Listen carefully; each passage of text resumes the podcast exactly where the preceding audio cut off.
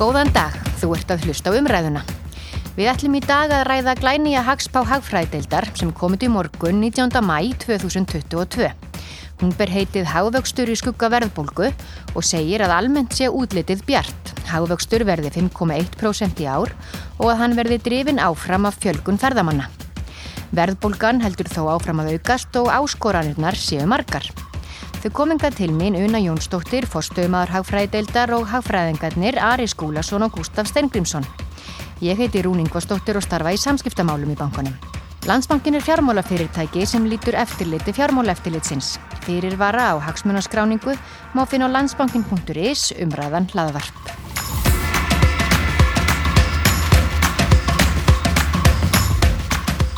Velkomin öll. Takk. Takk fyrir. Takk. Þið byrtu nýja hagspá í morgun og það hefur margt breyst frá því að þið byrtu síðustu hagspá í mm -hmm. oktober í fyrra. Hvað svona ber hæst og, og er svona helstu nýðurstöður og, og hvað hefur helst breyst, Una, ef þú byrjar? Já, eins og segi, það hefur svo sannlega margt breyst. Vi, við sáum þennan eh, COVID-faraldur og áhrif hans svona líðandi lok en uh, þá um leið nánast uh, bröst úr stríð í Evrópu sem er eitthvað sem við gerðum ekki ráð fyrir. Mm -hmm. en sem betur fyrir afleggingarnar af, af því til dæla léttvægar hér á landi. Þetta er fyrst og fremst aukin verðbólka sem við sjáum. En verðbólgan verður svona já, svona hvað erfið, erfiðast í þátturina að ráða við núna út þannan spátíma og spátímin er til 2024 er það ekki? Jú, mm -hmm. en almennt þá eru við svona nokkuð bjart sín við erum að spá 5,1% hagvexti í ár svo bara áframhaldandi hagvexti út spátíman og þessi hagvöxtur er, er drifin áfram af uh, ferðamönnum við sáum það, um þessi, COVID, þessi farður leiðundur lók þá, þá hefur fólk byrjað að ferðast mm -hmm. Í mjög auknum mæli og þá líka við um okkur í Íslandingana engan eislan okkar verður svolítið drifin áfram af okkar ferðarlögum til útlanda uh, og verður það leiðandi innflutt Já, þið spáðu kröftugum vexti ferðarþjónustunar. Hvað búist þið mörgum, Gustaf, og, og hvernig sjáu þetta fyrir ykkur? Já, við búist við því að komi 1,5 miljón ferðamanna á þessu ári sem er svona, eru neða svipa svo við gerum ráð fyrir í oktober en, en við svona urðum aðeins svartsýtni þegar á leið kannski en, en urðum að síðan aftur bjarsýtni núna og þetta er bara, þetta er unni bara að gerast núna. Sjáum bara apriltölur sem voru bara magnaðar. Það voru, fjöldi ferðamanna var 85% af fjöldan sem var í april 2019 Já, þetta er bara sami þetta, þetta er fjöldi bara og, sko. og var 2019 Já, já aðeins minni sko aðeins minni. en með flúfrabóðið í sumar mm -hmm. þá verður það bara mjög já, það verður bara mjög svipað og var 2019 þannig að þetta er bara raunni þannig að það verður sama nýting í vélunum þá erum við mhm. bara komin að bara mjög góðan stað mm. Var það eitthvað sem kom ykkur á óvart, Ari? Í hagspánu var eitthvað sem hérna, kom þér á óvart eða því að þið sérstaklega áhugavert? Já, sko, eh, nei, ekki sérstaklega. Eh, bara bæta því við held áfram það sem Gustaf endaði, sko, þetta með, með hérna, ferðarþjónustuna, hún stendur náttúrulega fram með fyrir mjög miklum áskorunum mm -hmm. og það er búið að vera mikil málflutningunum það að það sé erfitt að manna störf og svo framvegis.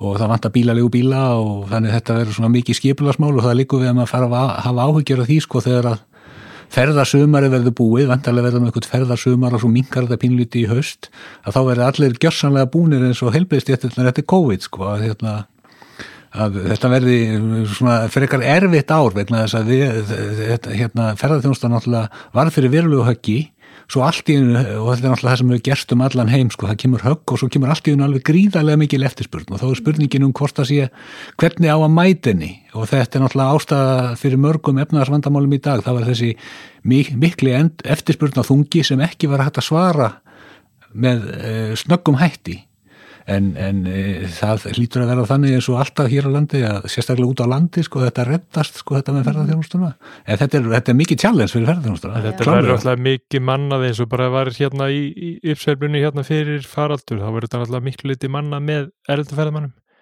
En já, það eru margar áskoranir eins og segir, þótt útlítið sé bjart í spánni, já, já. að það er mikil óvisa sem umlikur spána og innanlands snýr hún þá aðalega stöðin og vinnumarkaði og, og, og svo verðbólgu þróuninni hérna... Já, þetta er svolítið hérna, já, erfitt ástand og, og við sjáum fram á lausa kjærsamninga núna mm -hmm. á mhm. næstunni og sama tíma og verðbólgan er í toppi. í toppi við spáum því að hún nái eh, hámarki núna á þriði ásvöngi 8,4% sem er mjög mikið mm. og já svo, svo er spurning hvað gerist á vinnumarkaði. Mm -hmm. ég meina samkvæmt okkar spá þá gerum við ráð fyrir því að, að, að uh, laun haldi áfram að hækka. En þó bara þannig að þau séu rétt eh, yfir verðbólgu þannig að kaupmáttar aukningin verði mjög lítil og þess ára ekki nema 0,1% eh, sem hún muni aukast milli ára menn í fyrra var hún að aukast um sko 3,7% Vi, við fengum mjög, mjög miklar kaupmátt aukningar í gegnum allan þennan uh, COVID-faraldur. Sem er mjög, mjög skrítið sko. Svo erum við náttúrulega í þeirri stöðu núna að það eru margir e, þættir að koma fram sem þykja mjög neikvæðir eins og til dæmis vakstahækkan í Selabankan sem hafa verið miklar og við spáum áframhaldandi vakstahækkunum miklum. Já, og við spáum toppi á verðbólgu einhvern tíman í ágúst, september eitthvað svo leiðis, kjærasanningar renna út í lok oktober og ef að þetta gengur ekki upp og það verður ekki svona farið að hylla undir það að verðbólgan fara að minga það er náttúrulega skiptið mjög umklum áli ef, ef hún er ennþá fleiri ferðið upp á þessum tíma þegar kjærasanningar renna út, þá verður ástandi bara verra sko, þá er náttúrulega verða mm. vendinganda meiri kröfutna meiri og líka svona meiri vantrú á því að það sé hægt að ná tökum á hérna, ástandinu, þannig að það er mjög mikilvægt að það takist að, að verðbólga ná í toppi á einhverjum ákveðnum tíma og fari svo að fara niður. Mm -hmm. merkiðum að fara niður skiptir miklu máli Já, fólk trúið í að hún, muni fara niður sko. já það, það er þessi verðbólgu væntingar sem skipta öllu máli já. En hvað eigið þið vona á að stýrivexnir fari hátt í spáni? Já, við erum að spáði að þeir nái 6% undir loka ás Já Uh, við gerum ráð fyrir því að já, núna næsta ákvörðun er, er í enda júni að það verður svona minnstakosti 50 punta hækkun þá við erum sjáum bara núna í vikunni byrtist uh, mæling á íbúaverði í april sem að sýnir að það er bara ennþá mjög mikil eftirspurn mm -hmm. og, og svo mæling var nót til þess að við uppfærðum skamtíma verðbólgarspánu okkar fyrir mæmánuð gerum það fyrir 7,7% verðbólgu þá Já og, og þá erum við komin að íbúðamarkaði sem hefur heldur betur áhrif á verðbólguna. Hverju eru það spá í íbúðamarkaði og fastegnamarkaði? Já, við erum að spá því að íbúðaverð hækki um 20% að jafnaði mill ára í ár sem að er bísna mikil hækkun en, en megna þessari hækkun er, er þegar komin fram. Við erum svona að spá því að það fari eitthvað róast og næst ári með ekki ráð fyrir því íbúðar hækki um 8% og svo 4%. En þetta byggir á því, á því að, að þessar vaksta hækkanir Sæðlabankars fara að hafa áhrif á eftirspurna eftir íbúrhúsnaði. Það er það og svo líka að hérna, við sjáum hérna uh, mikinn fjölda íbúði byggingu. Vi, mm -hmm. við, það bendir allt til þess að það er, sé verið að byggja talsverð þannig, þannig að það komi nýtt frambóð inn á markaðin sem mun svona aðeins verða til þess að, að, að, að aðstæður svona róist mm -hmm. það verði meira, meira til sölu og, og, og þess aftar. Hvað spáið þið miklum vext í íbúið fjárfestingu?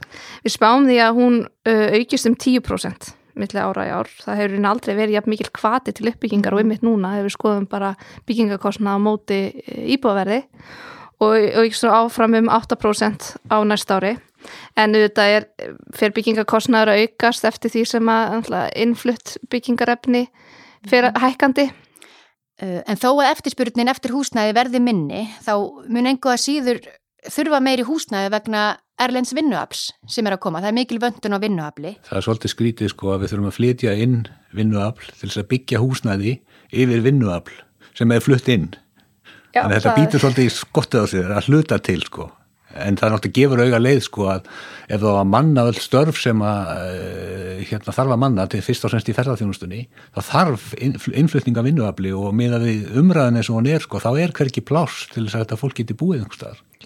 Já, það sýnir alltaf bara hvað, já, þeir unni hvað hækkerfi er komið á háan snúning sko, hvernig staðan er á vinnumarkaði að það þurfi, já, bara tölvöld mikil innflutning á vinnuafli til að bara já, launaskriði verði ekki á mikið og, og svona að við náum að halda einhverjum balans í þessar uppseflu. Mm -hmm. Það er reyndar þannig að COVID hefur orðið til þess að það er svona breyst viðhólti vinnunar víða um heim, sko, ekki síst í bandaríkjánum Breitlandi, sko, þar sem að fólk er farið að hugsa, hugsa öðruvísi, kannski ekki að vinna eins mikið, hætta fyrir að vinna lætur ekki bjóða sér þau kjör sem voru í bóði áður fyrr, það, það hefur hirt um það að það hefur þurft að yfirborga. Uh, McDonalds þarf að yfirborga. Stóru vörukeði húsin þurfa að yfirborga og svo framvegist þannig að, COVID var þessu leiti sko lagst mjög mikið í, li, í lið með launamanninum gegn sko atvinnuleikandanum staða launamannsins var ekkit sérstaklega góð fyrir COVID en það, COVID breytti því svolítið hressilega. En það hefur samt komið ljósa vendingar stjórnenda, fyrirtækja, það virðast mikl, miklar og þau eru bjart sín. Þau eru bjart sín og það eru við erum í þeirri stöðu núna sko, það eru miklu fleiri fyrirtæki sem vilja fjölga fólki miklu meira heldur en þau sem vilja fækka. Þannig að munar miklu þar. Þannig að við erum svona að fara á stað á flegi ferð eins og við höfum gert svo oft áður og Já. stundum hefur það verið í þeirri stöðu að kjara sanningar eru lausir og svo framvegist þannig að það er mörg hættumerki sko, sem að blikka út um allt. Já, náttúrulega bara skortur og starfsfólki hefur ekki verið jafn mikill síðan 2007 þannig að það, nú, já, það segir nú ímislegt um hvernig staðan er. En þið talaðum að það er mikill vöxtur í nýjum útlánum til fyrirtækja.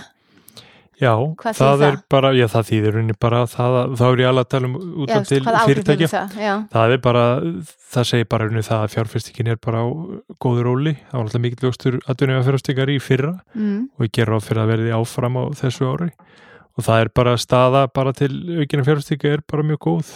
Vakstasti er svona sögulega síðan látt eigin fjárstæðan er góð. Krónan er styrkja sem hefur svona yfirlt færið sama við uh, aukningu í atvinni af fjárfæstíku því að stór hluti atvinni við fjárfæstíkunum kemur utanfrá. Þannig að þetta er svona allt bara, já það rýmar allt saman mjög vel saman.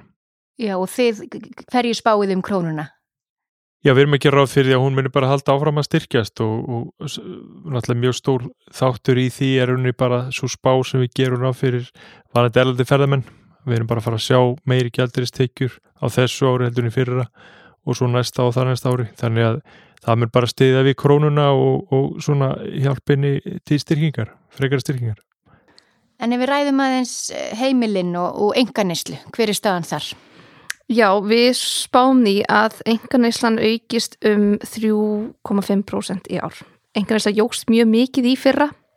Eh, þá áttu heimilinn uh, talsverðan uppsafnaðan spartnað eftir mhm. COVID-faraldun því eins og kom inn á hérna áðan þá, að, þá jóks kaupmáttur mjög í gegnum allan þennan faraldur og sama tíma fólk svona satt heima og, og tækifæri til neyslu voru takmörkuð en núna sjáum við svona merki þess að heiminn séu eitthvað leiti byrjuð að ganga á mm -hmm. þennan spartnað við sjáum innlánin dragast aðeins saman yfirdráttarlán hafa aðeins aukist og svo er það hægari uh, þróun kaupmáttar sem veldur því að við gerum ráð fyrir því að, að enga neyslu vöxturinn verði svona aðeins hægari á, á þessu ári og útspáttíman en við sáum til að mynda í fyrra. En enga síður nokkuð svona nokkuð, uh, já, bara, bara stöðu og, og, og góð aukning út spátíman en, en þessi enga neysla verður mögluleiti innflutt uh, af því að við erum að fara til útlanda og erum að, erum að uh, já, kaupa vörur og þjónustu þar En hvað með vöruhækkanir og höldum við áfram að sjá já, já. vörur hækka? En náttúrulega, já, já, við mögum gera það, sko, það náttúrulega er mikið verðbólka núna erlendis og verðilega er bara hækka, bara allstaðar í helstu vískiptalöndurum. En á móti kemur og þá er króna núna að steyðja mjög vil við það að verði hækkanar verði minni. Þannig að krónan er að hjálpa okkur mjög mikið og mun hjálpa okkur við að koma verðbólkun aftur, eða hún mun geta fara að lækka aftur á nýjum. Þið talið um afganga viðskiptum við útlönd, getur þú útskýrt það? Já, það er rauninni bara, já, það er bara rauninni þannig að, að við erum að flytja eh, í sjálfsvegar meira út, sko, það er að segja útlöndisvermatið er meira en innflöndisvermatið, þannig að við erum að fá í rauninni reyna gæltaristekjur inn í landið. Og það er alltaf líka uh, hækkunin á þessum... Já, þessum breytinga líka á verðum, á... náttúrulega eins og afverðverði í Íslenska sjávarafverða hefur verið að hækka mjög mikið á móti kemur þá náttúrulega olíverð hækka líka En, hérna, en loðunan hlýtur til dæmis að hafa mikil áhrif? Já, það hefur mjög mikil áhrif á þessu ári, en við erum að gera ráð fyrir að þetta sé nú ekki kom til að vera og við erum ekki geta veitt svona mikið af loðnu eins og við erum að gera núna á þessu fisku ári. Þannig að við myndum fara svona aftur, fljóðlega aftur í sama fara við var áður en hérna, já svona eins og verið hefur á síðust árum, fyrir ekkar lítið loðna, svona í sögulegu ljósi. Bara strax á næsta ári eða hvenar? Já við, já, við erum ekki ráð fyrir því að, að veiðarna verði svolítið minni á næsta ári heldur en í ár og verði svo enn minni árið 2024 og við förum í rauninni bara svona graduáli aftur í, í svona svipa faru vorum í. Svona, hef, eða höfum verið í á síðust árum.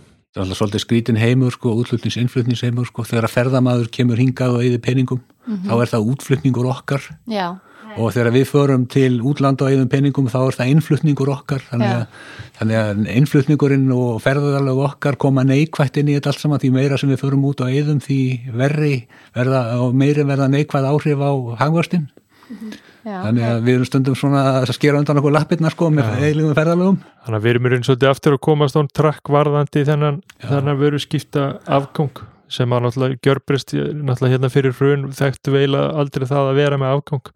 Þessum var krónu alltaf að gefa smátt og smátt eftir en eftir að ferðarþjónustan kikkaði inn hann eftir hrun að þá höfum við bara séð afgang á veru skiptum sem er bara, sem er bara þýtt styrking krónunar og meiri kaupmátt og minni verðbólgu og allt sko, já, við erum mjög jákvæmt bara þrú En hið opimbera, Ari, segð okkur hvað því skuldast að ríkisjós og Já, sko vestnar áfram eða hvað? Já, það, já, já, hún gerir það hún er náttúrulega, sko það kemur kreppa kemur hérna COVID faraldur og, og öfugt við það sem að gerðist í síðustu kreppu þegar að bankarnir hundu þá, þá a- er ákveði hér á landi sem og allstaðar í heiminum eiginlega að e, hið ofinbera og sérstaklega ríkisjóður ætlar að taka á sig mikla byrðar til þess að koma okkur í gegnum þetta með skikkalegum hætti. Staða ríkisjóðs var orðin þokkalega góð þegar kreppan kom þannig að það var mjög jákvætt fyrir okkur og við vorum kannski hlutaslegi betri stöð þetta er mörg lönd í kringum okkur. Okkur hafði tekist að borga niður mikið af skuldunum sem að jökust verulega eftir bankarunnið og á áránum 2020 og 2021 þá náttúrulega eitti ríkisjóður alveg gífurlega um efni fram og það er náttúrulega, er náttúrulega bara fjármagnar með lántöku og það þarf að stoppa núna eh, fyrst og fremst vegna stöðu ríkisjóns, hún getur ekki verið svona maldur og æfi það þarf að stoppa skuldast hérna söfnunina, en líka bara vegna ástandsins í hagkerfunu öllu þá þarf ríkisjóður að fara að taka þátt í því að með selabankanum að reyna að uh, hérna hamla allt og mikið til þenslu. Þannig að það sem við sjáum fram á núna bæði í ofinböru fjárfyrstingu og samneyslu er það að það þarf að fara að halda í Núna sko stjórnvöld er oft eh, góði að finna fallega orð sko, þetta heitir núna afkomubætandi e, lausnir eða eitthvað svo leiðis sem að þýðir náttúrulega bara niðurskurður eða asalt á vennilegu máli sko. En þetta, þetta heitir afkomubætandi núna. En það þarf að bæta afkomuna og, og, og, og ríkisjóður verður að stoppa. Þetta kemur margt að því að sjálfu sér við erum ekki í COVID-baróttu sem að var dýr og svo framvegis flytja inn fullt af livjum og bóluefnum og, svo, og, og við erum ekki að borga hlutabóta aðrunuleysi núna eins og var og það var náttúrulega mjög dýr pakki skipti miklu máli fyrir okkur og önnu lönd að, að það var passa mjög mikið upp á það að fólk heldi ráningarsamböndum og heldi vinnunni í gegnum það versta og þetta tókst vel hér og tókst vel víðast hvar í heiminum sko. Þannig að Ríkisjóður þarf að fara að draga svona soldið saman til þess að, að, að reksturinn og skuldastæðan getur verið sjálfbæri aftur. En þú talar um samneyslu og það hægja á vexti samneyslu. Hvað getur útskrift fyrir mér hvað samneysla er? Samneyslan er eiginlega í stöttum máli bara svo þjónusta sem við fáum frá ríkinu, skólakerfið, helbreyðskerfið og allt þetta sem að, sem að er, við náttúrulega vinnum á vinnumarkaðu og fáum laun og svo framvegis en svo fáum við líka fullt af þjónustu sem að, sem að ríki veitir. Mentum börnin okkar förum á spítala og svo framvegis og þetta er allt sem að borga með samneyslu. Þetta er svona, í staðan fyrir enganeysluna sem fer fram á heimilu, þetta er það sem við neytum saman, sameiginlega, út í bæ, á landspítalanum og í mentaskólanum og, og svo framvegis. Við erum búin að ræða stríðið og þið hafið áður rætt um að beina áhrif þess sé, komið aðalega fram í verðbólgunni. Hvernig sjáu þið það þróast? Svo óvisa hlýtur ennþá að vera að valda óstöðuleika mörguðum eða hvað? Já, jú, jú, já, og hérna, já, við munum bara sjá þessi ári fyrst og fremst í verðbólgu og hérna erum að sjá náttúrulega verðbólguna, eða verðlag erlendis vera að hækka, flutningskostnar að hækka og já, Sælabanka þurfa að mæta þessu með, með hækkunum stýrivaksta og, og þannig að einhver leiti getur eða mun þetta stríð hafa þau áhrif líka að kaupmáttum mun draga saman í vískiptalöndunum sem að gæti náttúrulega haft þau áhrif líka að draga úr hávistu og jafnvel svona að leiða til þess að, að það verði samdráttur í einhverjum löndum. Þannig að þetta eru alveg áhrif sem að já, það, það eru bara tölvöld mikil áhrif í gangi af verbulgunni. Bæði bara verbulgun sem kom til vegna þess að ráður verið hækkað svo mikið í kjölfar faraldursins en einni líka bara út af stríðinu. Svo gætu við alltaf lendi í svona frambóðsvandamálum eins og að við fáum ekki byggingarefni og svona framvegis eins og unnatalega máðan þá náttúrulega þarf og stendur til að byggja mjög mikið. Hefur heistum vandamál vegna steipustyrta jáns og stáls og svo framvegis þannig að þetta er eitthvað sem á bara eftir að koma í ljós en við náttúrulega njótum þess að vera ekki með sammeilan orkumarkað með, með Evrópu og það, það, það sem er að sliga Evrópulöndin og valda mestri verðbólgu þar er náttúrulega orkukostnaðurinn sem er að fara búr öllu. Við sjáum það bara í dælunni fyrir dísel og bensín en kostar jafn mikið hefur okkur að hita húsinn og svo framvegis sem er náttúrulega rókið upp úr öllu valdi víðaskar í Evrópu. Einmitt.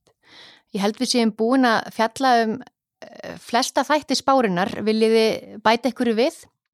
Já, kannski bara það að það er bara, sko, ef við horfum bara á Ísland og byrjum það saman, eða bara hvernig horfurnar er á Íslandi með mörgunum lunda, þá er nú bara, erum við bara í nokkuð góðir stöðu og það er svona freka bjart framöndan á, mm -hmm. á hér á landi, svona efnaðslega séð, nema að koma eitthvað massa, massíft bakslæg í, í ferðhjónstuna heiminum, að þá ættu að geta hort bjart sín fram á veginn. Það má líka nefna þá mjög svo merkilegu stöðu sögulega að verðbólka hér á landi er lægri núna heldur en í mjög mörgum löndum í kringum okkur, lægri heldur en í Breitlandi, Bandaríkjana og Norðurlandunum sem að einhver tíman hefur þótt sko bara saga til næsta og næsta og næsta bæjar sko. Mm -hmm. það er svolítið aðtilsert. Já, ég held að það, ég tek brundi með þeim, þetta lítur allt saman nokkuð vel út og ég minna ef spár okkar ganga eftir þá eru við að spá því að á síðasta ári, ári spátímbilsins 2024 þá fáum við metfjölda ferðarmannan til landsins, mm -hmm. 2,4 miljónum, það hefur aldrei, aldrei svo margir komið á einu ári þannig að ég held að það sé bara bjart framöndan Bjart framöndan En ímsar áskoranir, Já, enda, enda þetta svo les. Verðbólgan er, er alvarlegt mál. Já. Það verður að vera einhver áskorun. Einhver áskorun. Þá bara þakka ykkur kærlega fyrir komina. Takk. Takk fyrir. Takk.